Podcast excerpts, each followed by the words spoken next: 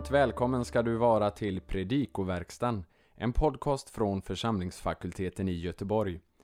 Daniel Johansson går här strax igenom kommande söndags evangelietext. Men vi vill passa på att säga till dig att om du är intresserad av att studera Bibeln och teologi, eller kanske känner någon som skulle kunna vara intresserad av att studera teologi, att vi på församlingsfakulteten, den fria fakulteten i Göteborg, erbjuder möjligheten att söka in till studier redan nu till höstterminen 2022. Intresseanmälan och information om hur du ansöker kan, göras på, kan hittas på vår hemsida www.ffg.se. Där finner du också kontaktuppgifter till oss om du har några frågor. Ansökan inför hösten behövs göras allra senast den 31 mars i år. Men nu en genomgång av kommande söndags evangelietext. Vi önskar dig som vi brukar en god lyssning. Andra årgångens evangelium för tredje söndagen i fastan kommer från Markus 5, 24-34. I texten möter en för Markus evangeliet ovanligt lång och komplex mening. Verserna 25 28 utgör en enda lång mening. Den består av totalt 80 ord i 13 satser av olika slag. Kärnan i meningen utgörs av orden gyne, alltså en kvinna i vers 25 och hepsatoto him atio auto, rörde vid honom i slutet av vers 27. Allt emellan dessa ord är fem participsatser, alla i femininum. För övrigt ett utmärkt tillfälle att repetera femininböjning av particip. Eh, de här fem participsatserna ger bakgrund till det som sker vem kvinnan är och vad hon gjort. Det som sen följer i vers 28 är en förklaring till varför kvinnan rörde vid Jesus. Den här utförliga bakgrunden understryker hur hopplös kvinnans situation var och framhäver, framhäver därmed Jesu förmåga när hon blir helad. Och så går vi till vers 26. Det är andra kaj där, kaj med den är som framgår av sammanhanget adversativt och behöver översättas med men. I vers 27 så står det hepsatu to imatio auto. Hon rörde vid hans mantel. Observera att objektet står i genitiv därför att haptomai tar sitt objekt i genitiv. I vers 28 översätter folkbibeln och Bibel 2000 verbet sothesomai med att bli frisk respektive bli hjälpt. Eh, tyvärr faller då det grekiska verbets grundbetydelse frälsa, rädda bort. Markus använder andra verb för själva helandet som iaomai, hela, i nästa vers. Och tog det väl därför vilja skicka med en frälsningsaspekt här i vers 28. I vers 29 så står det Kai evthys ex eh, eranthe och genast torkades. Här är evthys mer än ett stilmedel för evangelisten. Undret skedde omedelbart. Samma verb evthys lämnas tyvärr oöversatt av Bibel 2000 och folkbibeln i nästa vers, vers 30. Men det evangelisten vill säga är att lika omedelbart som undret skedde, lika omedelbart kände Jesus att kraft gått ut ifrån honom. I vers 32 är perieblepeto en imperfekt. Det betyder att Jesus höll på att se sig omkring. Ett pågående. I samma vers, ten toto på jäsasan, som vi översätter med hon som gjort detta. Participet står i femininum. Betyder det här att Jesus ändå visste att det var en kvinna? Eller återspeglar participet snarare evangelistens senare kunskap om vem som gjorde det? I vers 34 möter vi verbet se såken, har frälst i perfekt. Bibel 2000 översätter här konsekvent med har hjälpt dig, alltså som man gjorde i vers 28 ovan.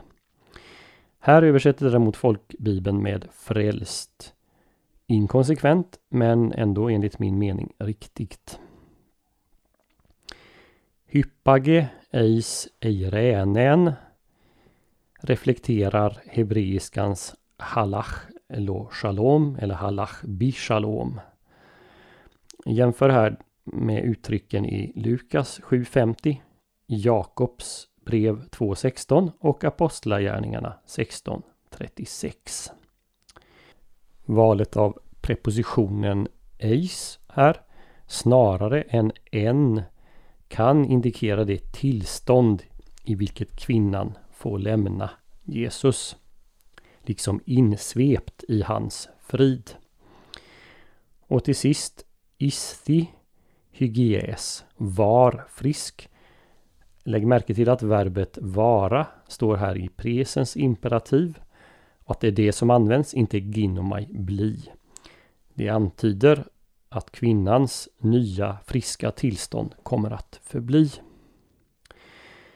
Berättelsen om hur Jesus helar kvinnan med blödningar är en del av Markus mest berömda Sandwich. Eh, kapitel 5 börjar med att beskriva hur Jesus på den östra sidan om sjön på hedniskt område helade den sceniske mannen, han som har en legion onda andar.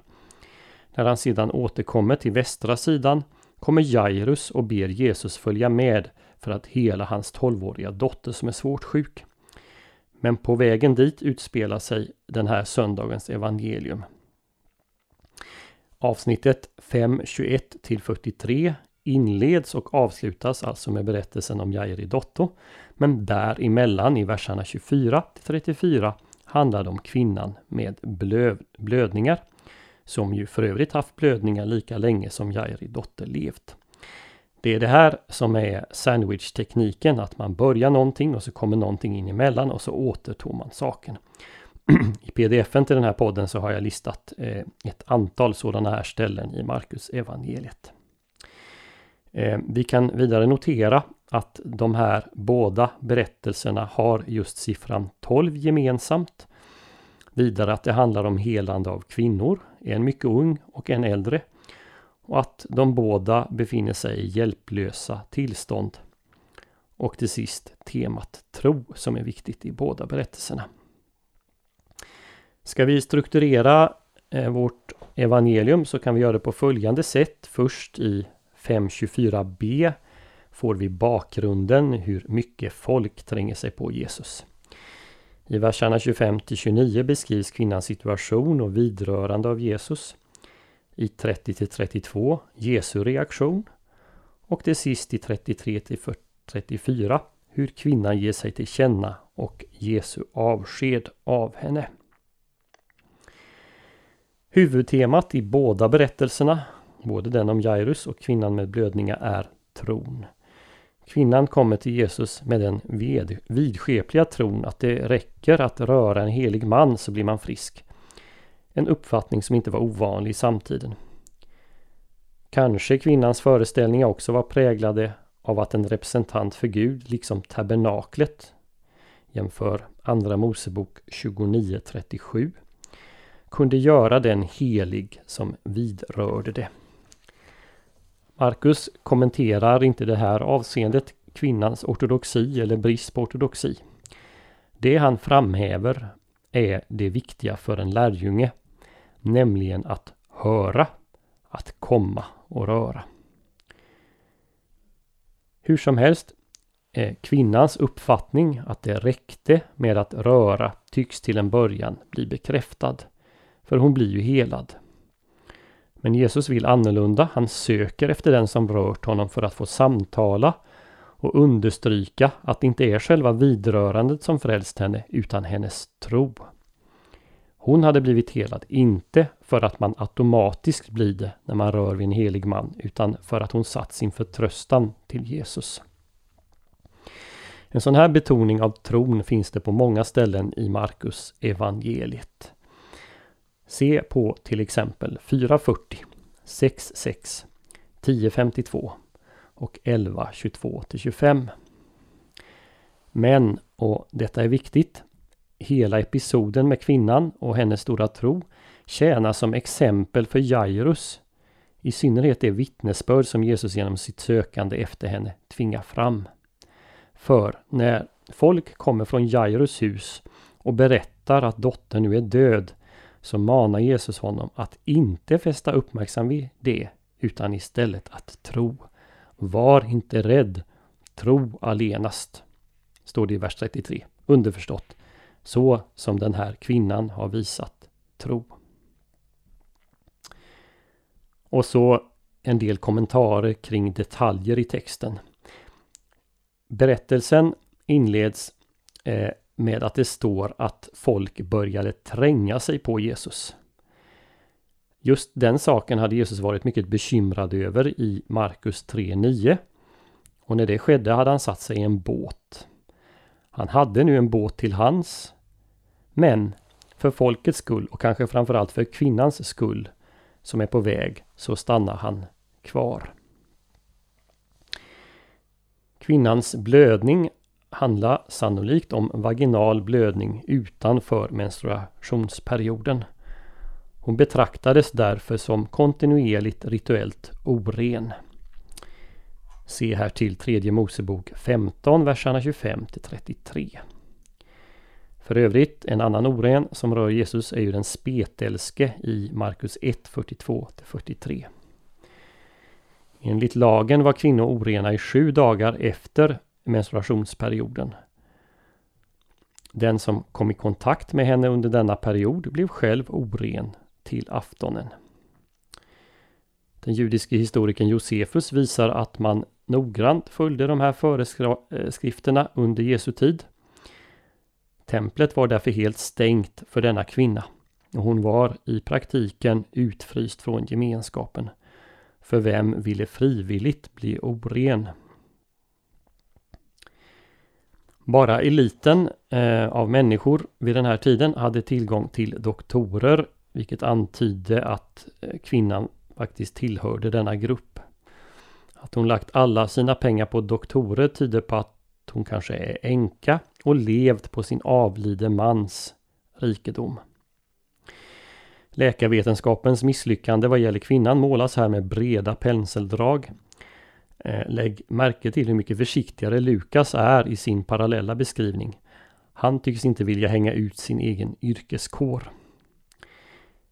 Notera i detta sammanhang också rörelsen från vetenskap till religion.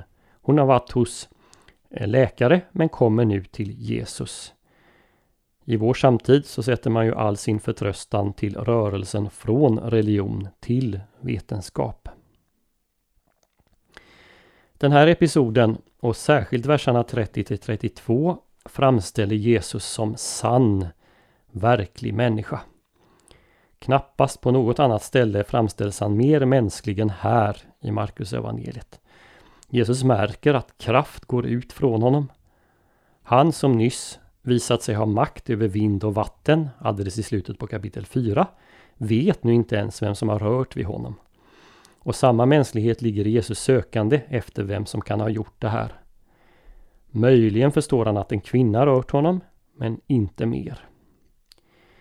Jesus vet vad folk tänker i sina hjärtan i 2.8. Men här vet han inte ens vem som har rört honom. Han har full kontroll över skapelsen i 4.41 och här verkar kraften vara utanför hans kontroll. Jesus vill ha ett personligt möte med kvinnan för att tala om vad som frälst henne. För att offentligt förklara henne för återintagen i gemenskapen från utfryst till inne i värmen.